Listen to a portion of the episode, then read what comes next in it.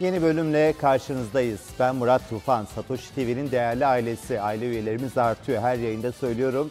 Aramıza yeni katılanlar var efendim. Hoş geldiniz. Yerlerimizi alalım. Boş yerler var buradan görüyorum. Oturabilirsiniz. Evet şimdi tam olduk gibi. Piyasaların en güçlü ismi gelecek efendim. Yani güç kavramın neyden oluşur size göre? Para, şan, şöhret bilmiyorum ne geldi aklınıza ama Çağlar Toros bizlerle birlikte info yatırımın stratejisiyle birlikte konuşacağız. Hem tabii aklı çok güçlü hem de kendisi efendim nasıl mı bakalım.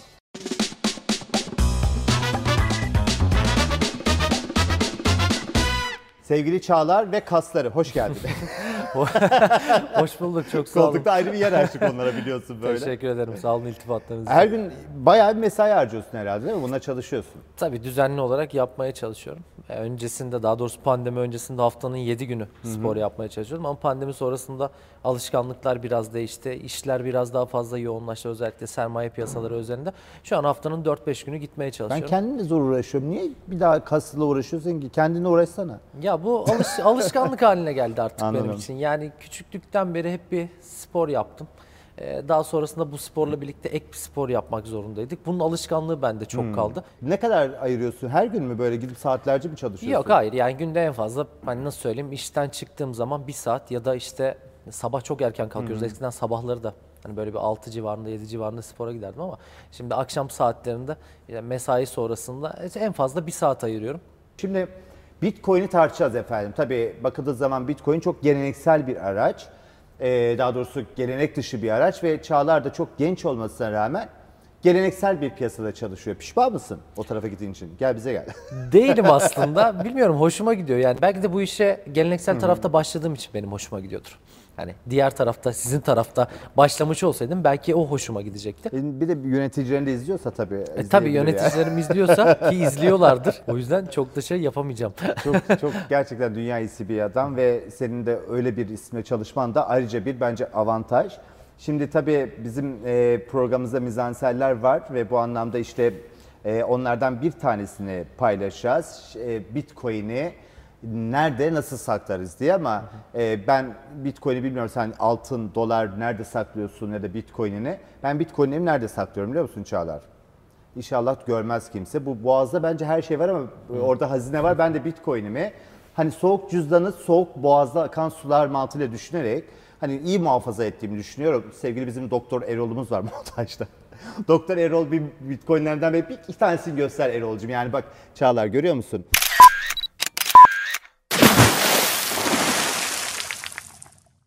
Şey gençler tamam takılmaya devam edin soğuk cüzdanda. Şifreyi kimseye söylemeyin diye. E, sen nerede tutarsın Bitcoin'ini diye soracağım. Çünkü normalde bunun doğru bir e, tutum şekli var. Nerede tutmak isterdin? Evet, nerede tutmak isterdim? En çok vakit geçirdiğim yerde tutmak isterdim herhalde. Ya da en güvendiğim yerde tutmak isterdim diyeyim yani.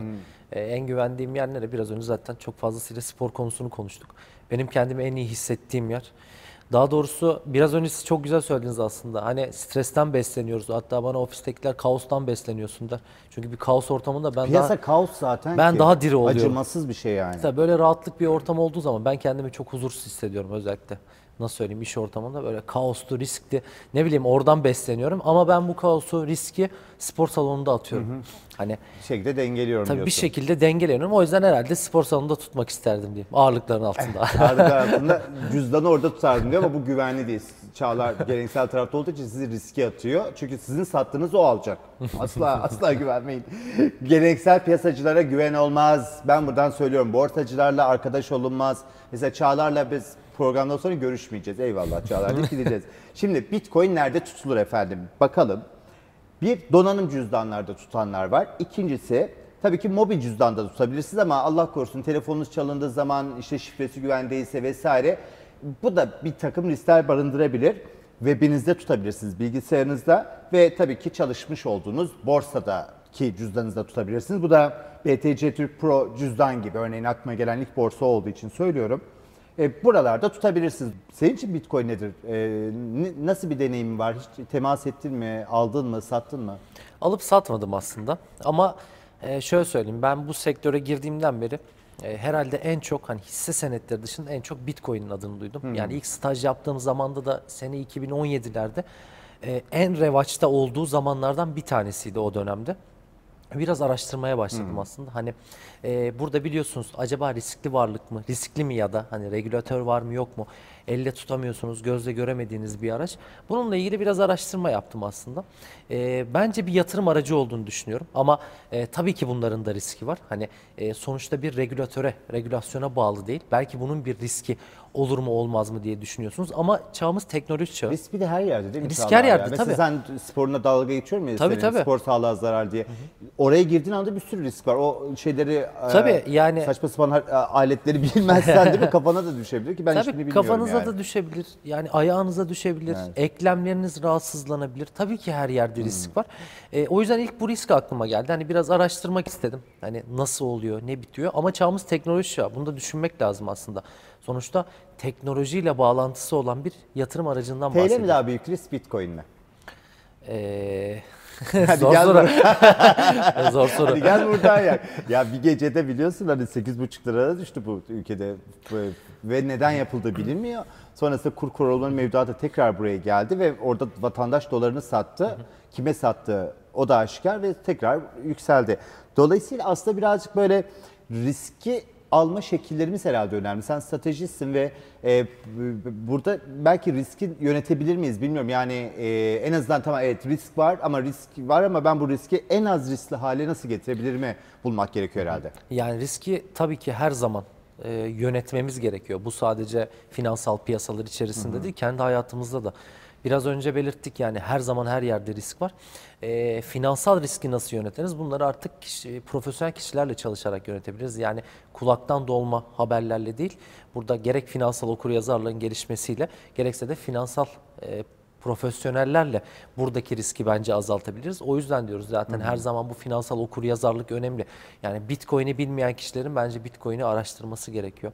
İşte diğer taraftan hisse senedini bilmiyorsanız hisse senedini Ama araştırmanız kimse gerekiyor. araştırmıyor tabii. Geçen Yani- sene çok araştırarak mı geldi Türk yerli yatırımcı? Yani hayır ya bu bence bunu hani bu benim görüşüm bence araştırarak değil hani burada risksiz getirilerin enflasyon karşısında yetersiz kalması ve özellikle tasarrufların azalmasıyla birlikte alternatif getiri arayışı içerisinde olunması sebebiyetiyle birlikte hani 2022 yılında ne oldu? Hiçbir zaman görmediğimiz bir durumla karşı karşıya geldik. Ne aldıysak mottosu oluştu Mevduattan aslında. daha güvenliydi değil mi borsa? Her Evet kazandırıyor yani. ne aldıysak gitti mottosu Evet. oluştu ve bu yeni yatırımcı ilgisini de fazlasıyla çekti. Hani e, aslında burada nasıl bir algı oluştu? E, hani bilgi birikime gerek yok. Zaten ne aldıysak gidiyor algısı oluştu. Niye? Çünkü %85'lere kadar yükselen bir enflasyon vardı. Biraz önce de belirttiniz yani risksiz getiriler enflasyon karşısında yetersiz kaldı ve biraz daha güvenli liman olarak Borsa İstanbul Evet, tarafı ön plana çıktı. Hisse senedi piyasaları ön Evet. plana çıktı. Çok enteresan bir durumla Ya biz hep karşı karşıya geldik. yüksek riskli derdik değil mi? Yani, yani tabii ki Forex en risklisiydi Tabii. ama sonuçta bir anda hissenin değeri azalabilir. Ee, burada küçük yatırımcı üzerinden bir, bir böyle diyalog var. Biz küçük yatırımcıyı seviyoruz. Yani borsaya küsen küçük yatırımcı varsa Satoshi TV ailesi de gelebilir. Biz onlar böyle ayırıyorlar işte küçük, büyük, orta diye. Şaka bir yana yani küçükler sanki girince eyvah onlar panikler ve onların deneyimsiz olmasından dolayı borsadaki satışlar hızlanabilir gibi. Yani sonuçta piyasa bu. Dayak yiye öğrenilecek. Yani biz de öyle öğrendik. Ben en azından öyle öğrendim. Gerçekten piyasada yani ne zaman O şu kasları cümleyi boşuna mı kursak- yaptın Çağlar ya? Dayak mı yedi bir de ya? Şu ne zaman şu cümleyi kursam hep e, daha farklı olaylarla karşı karşıyayım. Daha kötü ne olabilir ya da daha ne görebiliriz gibisinden. Hani 100 yılda bir gelen bir hastalıkla karşı karşıya geldik. İşte daha savaş çıkar mı? Hani buradaki bir savaş olgusu o zaman da Aralık Ocak aylarında işte 2021 sonu 2022 yılı başında Rusya ile Ukrayna arasındaki sıcak çatışmalar hani böyle ufak ufak haber merkezlerine yansırken yok canım 3. Dünya Savaşı mı çıkacak gibisinden hani böyle algılar oluştu. Bir baktık 24 Şubat'ta Rusya Ukrayna'ya girmiş. Enflasyonlar işte enerji fiyatlarından dolayı e, son yılların en yükseğine çıkmış. Tabii hiç görmediğimiz şeylerle karşı karşıya geldik. Bunlar da bize bir deneyim oluşturdu. Ama hani ben şu algıyı da çok sevmiyorum. Hani küçük yatırımcı, büyük yatırımcı bence yatırımcı yatırımcıdır Evet. benim gözümde. Yeter ki nasıl yatırım yaptı. Ne de, aynen Evet. öyle. Yeter ki nasıl yatırım yaptığı benim için önemli. O yüzden hani e, bence en azından yükselişlerde fazla cesaretli, düşüşlerde fazla panik olunmaması gerekiyor. Çok güzel belirttiniz. Yani Nasıl buradaki yapacak? Yoga mı yapacak? Kısmi bir e, düşüşte Çok hemen büyük bir bir dönüşüm kafasal Evet olarak. yani hemen bir olarak. panik satışıyla karşı karşıya kalıyoruz ve bu panik satışları da otomatik olarak hani finansal piyasaları aşağı çekiyor. O yüzden diyorum hani risk her zaman var. Buradaki riski nasıl azaltırız? Piyasa profesyonelleriyle azaltırız. Hani Bitcoin'i bilen kişilerle, buradaki e, yatırımlara güveneceğiniz kişilerle çalışmanız gerekiyor. Sadece hani hisse senedi piyasaları üzerinde tabii ki bunu söylemiyorum. Her Hani piyasada her piyasa için aynen. para piyasaları, döviz piyasaları, bu denli coin piyasaları bunların da sonuçta bilenleri var, profesyonelleri var. Bu denli kişilerle çalışmanız, hani çalışmak zorunda da değilsiniz aslında. Bu kişilerden görüş alsanız bile sizin belki de hayat felsefeniz değişecek. Ya Buna göre benim yatırım sattığımı yapacaksınız. bir- biri alıyor. E tabii Öyle alıcı satıcı yani, var piyasalarda. yatırımcı? Tabii hani, ki. Hani siz bunu satıyorsunuz diye piyasa ilelebet kötü olacak diye değil. Sizin sattığınız yerde bir potansiyel görüyor ki değil mi Çağlar? Bu çok önemli yani. Hani biri demek ki buradan artık döner ya da buradan alıp maliyetlenmeye başladı. Dolayısıyla bakış açısı karşı tarafta farklı ki o sizin tam tersi pozisyonu yapıyor. O, o- dolayısıyla e, gerçi haberler de çok fazla yani. Hani insanlar Çok, ondan çok. panikleyebilir, şey yapabilir. Para ihtiyacı varsa, kredili işlem yaptıysa borçla her şey işlem yaptıysa panik satış yapması normal herhalde. Zengin adama bir şey olmaz. Şu anki en azından bana göre gerçekten en büyük risklerden bir tanesi kredili işlemlerin yapılması. Bu denli volatilitesi yüksek piyasalarda. Sadece hisse senedi piyasaları için söylemiyorum tabii bunu. Yani bu denli volatilitesi yüksek piyasalarda, momentumu düşük piyasalarda e, kredili işlem yapmak gerçekten fazlasıyla riskli. Sonuçta bir haber akışı geliyor ve piyasalar bir anda aşağı geliyor. E, bu haber akışları geldiği zaman, piyasa aşağı geldiği zaman ne oluyor? Bir anda bir panik havası, endişe havası. E, burada kredileri kapatmak zorundasınız. Bu sadece sizin riskiniz değil aslında. Kurumda risk Kurum riski de var. Evet, aynen. Burada sonuçta siz sadece kredi faizi ve temerrüt faizi ödemiyorsunuz. Kurum da buna e, bir risk teşkil ediyor. Çünkü Kurumlar sizin şevkle veriyor mu artık Çağlar son dönemde? Yani krediler yok. çünkü adı kadar çok Ee, yüksek evet, bir oranda evet, krediler çok yüksek oranda ve kurumlar da biraz daha hani buna bence çekimser yaklaşıyor. Sonuçta geçtiğimiz aylarda benzer bir hani durumla karşı karşıya geldik. Yani e, Viyop tarafında sert bir geri çekilmeler Aynen. meydana geldi ve kredili işlem yapan yatırımcılar tarafında hem panik satışları bu gerek endeksleri düşürdü gerekse de kurumlara e, bazı kurumlar riskleri erken tespit etmek amacıyla tabii bundan zararsız kurtuldu. Bazı kurumlar da fazlasıyla zarara uğradı. Ee, garip bir şekilde hisse senetleri piyasaları e, artık hani bakıldığı zaman bir doyum noktasına geldi gibi de konuşuluyor ama Borsa İstanbul'da dolar bazında baktığımız zaman ucuz gibi bir algı da var. Sen ne tarafından bakıyorsun? Ben şu dolar bazında bakma olayına tırt oluyorum. Yani konut fiyatları diyorsun, ev sahibi diyor ki ya da gayrimenkul uzmanı işte dolar bazında ucuzuz. Dolayısıyla daha konut fiyatlarına daha çok zam gelecek diyor yani ardı ardına. E, ama kardeşim ben TL kazanıyorum. Şimdi borsada da şirketlerin hepsi dolar bazında kazanıyor mu ki dolar bazında bakıyoruz ve oradaki gelirler ve yatırımcının kazanımları hangisi doğru sence? Hayır yani şunu söyleyebilirim. Bütün şirketler kurla kazanıyor, dövizle kazanıyor diye bir şey yok. Yani e, Aralık 2021'de kur tarafı 18.36'lı seviyeleri çıktığı dönemde ihracatı yüksek, satışları döviz endeksi ve kurdaki yükselişi satışlarına yansıtabilen şirketler ön plana çıkmıştı. Yani şunu demek istiyorum. Borsa İstanbul tarafında her dönemin ayrı bir hikayesi var ve bu hikayelerden olumlu ya da olumsuz etkilenebilecek sektör ve şirketler ön plana çıkıyor. O yüzden hani dolar bazlı bakmak tabii ki bazen bizim öngörülerimiz için önemli oluyor ama biz e, yüksek oranda tabii ki TL bazında endekse bakmanın daha doğru olduğunu düşünüyoruz. 2022 yılında bu durum ne kadar sürdürülebilir diye hani düşünüyorduk. Yabancı yatırımcının azlığı zaten bizim Borsa İstanbul tarafında yerli yatırımcı ilgisini ön plana çıkartıp buradaki rekor üstüne rekor kırmamıza sebebiyet verdi. Hani konuşmuştuk ya o zaman yabancı iş gelmesin. Evet. Ya da yerli benim yerli borsam ve benim hissem yabancıda yok olduğu biliyor. O zaman ben satmam. Yani burada bu Aynen sefer öyle. fanatizm ya da milli duyguların karıştırıldığı bir borsada rasyonel fiyat oluşumundan bahsetmek zor mu? 2022 Doğru mu? yılında ben çok rasyonel bir fiyat oluşumu hani olduğu kanaatinde miyim? Değilim aslında. Çünkü şöyle bir algı oluştu. Ne aldıysak gitti zaten diyor. Çünkü hani %85'lere kadar bir enflasyon var ve bir yerde korunmak zorundasınız. Hani gelir endeksi senetler açıklandı. Banka mevduatları yetersiz kaldı. Kur tarafı %30'da 35'li seviyelerde yılı dolar tamamladı baskılandı. dolar baskılandı ve hani %85 enflasyonunuz var. Reel getiriniz eksi olmasını kimse istemez. Ve o dönemde ne ön plana çıktı? Koronavirüs pandemisiyle birlikte borsalara olan ilgiler arttı.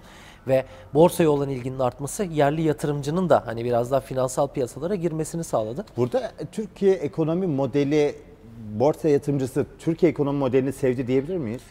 Yani Türkiye ekonomi modelini sevdi diyebiliriz. Şöyle sevdi diyebiliriz. Belki de bu denli enflasyon yukarı olmasaydı e, yatırımcı sayısı geçtiğimiz yıllarla paralel şekilde gidecekti. Buradaki tamamen ana tema enflasyonun yukarı yönlü seyri ve bu durumda tasarrufların azalması oldu diyebilirim. Hani e, bence 2023 yılında böyle bir motto olmayacak. Çünkü ne aldıysak gitti mottosu değil. Asıl önemli olan konu temel ve tekniğin beraber çalıştığı durumlar olacak diyebilirim. Ee, yıl 2050 bir hayal kuralım o zaman. Çağlar dedi ki 2023'te şöyle olacak dedi. Artık bu enflasyondan dolayı getiri çok fazla olmayacak ama biz 2050'ye gittiğimiz zaman e, dünya değişmiş mi acaba diye baktığımızda FED faizleri 72. kez artırıyor. Twitter aylık üyeliği 420 dolara çıkarmış diyor ve Elon Musk da Mars'ın başkanı olmuş. O Mars'a gitmiş. Peki Bitcoin 20 bin dolarda kaldı. İnşallah öyle olmayız yani. Bilmiyorum ama gelecekte nasıl görüyorsun peki Bitcoin'i? Yani gelecekte dediğim gibi teknoloji çağındayız ve bence benim yaşımdakiler ve benim alt devrelerim diye tabir edebileceğim kesim Bitcoin'e daha meraklı, daha odaklı. Çünkü e, hani siz dediniz ya geleneksel tarafta değiller. Geleneksel tarafta hani Bitcoin mi daha riskli yoksa geleneksel piyasa mı? Şu an için en azından Bitcoin biraz daha riskli varlık olarak nitelendiriyor. Daha fazla nitelendiriliyor. Ama bu e, genç yatırımcıların, genç kuşağın diyebileceğim kesim bunu daha çok araştırmaya başlıyor ve teknoloji çağına artarak devam edebileceğimiz bir ortamda ben bu ilginin fazlasıyla artmasını bekliyorum Bitcoin özelinde diyebilirim. Biz tabii Çağlar Toros'la bir ortak noktamız var. E, kas değil yani onu anlamışsınız zaten. E, bayağı ince bilekler falan. Ama aynı okuldan mezunuz. E, Marmara Üniversitesi Bankacılık ve Sigortacılık Yüksekokulu. Gerçi fakülte oldular biliyorsun. Fakülte, evet. Biz de fakülte gibi okuduk da adı böyleydi. E, taşındılar, oh beter olsunlar. Hem fakülte olup hem de Göztepe kampüsünde okusaydınız zaten var ya böyle gider o kampüsü Dragos'a taşındılar. çok kötü bir yerdelermiş yani. Neyse demeyeyim de şimdi hocalarımız kızabilir. Gökhan Işıl bize hep destek veriyor değerli hocamız. Gerçekten Türkiye'de sermaye piyasalarını bence en iyi öğreten okul olduğunu düşünüyorum. Çok değerli bir akademisyen kadrosu var. Profesör Doktor Elişa Arıcan zaten hocamız en başındaydı. Ee, güzel bir nokta değil mi? Ben seni e, aynı okulda olmamız ve senin benden sonraki jenerasyon olman da beni ayrıca mutlu ediyor açıkçası. Evet yani benim de okulda gittiğim ilk seminerde siz seminer veriyordunuz. Evet. Okula yeni başladığım senelerde. Dediğiniz gibi yani sermaye piyasalarını gerçekten en iyi öğreten herhalde okulda okuduk. Kesinlikle. Ve hani bu denli ortak noktalarımızın olması da ayrı bir bağ katıyor aslında. aynen. O yüzden hani e, Göztepe'de de okuduğuma ben çok pişman Değil değilim çünkü Ben çok seviniyorum işte Evet. gidenleri çok seviniyorum. Yani onlar bizim o e, lüksümüzü yaşamadılar. Ama Aynen fakülte öyle. olun sıkıntı değil yani. Aynen öyle. Yani orayı severek giderdim.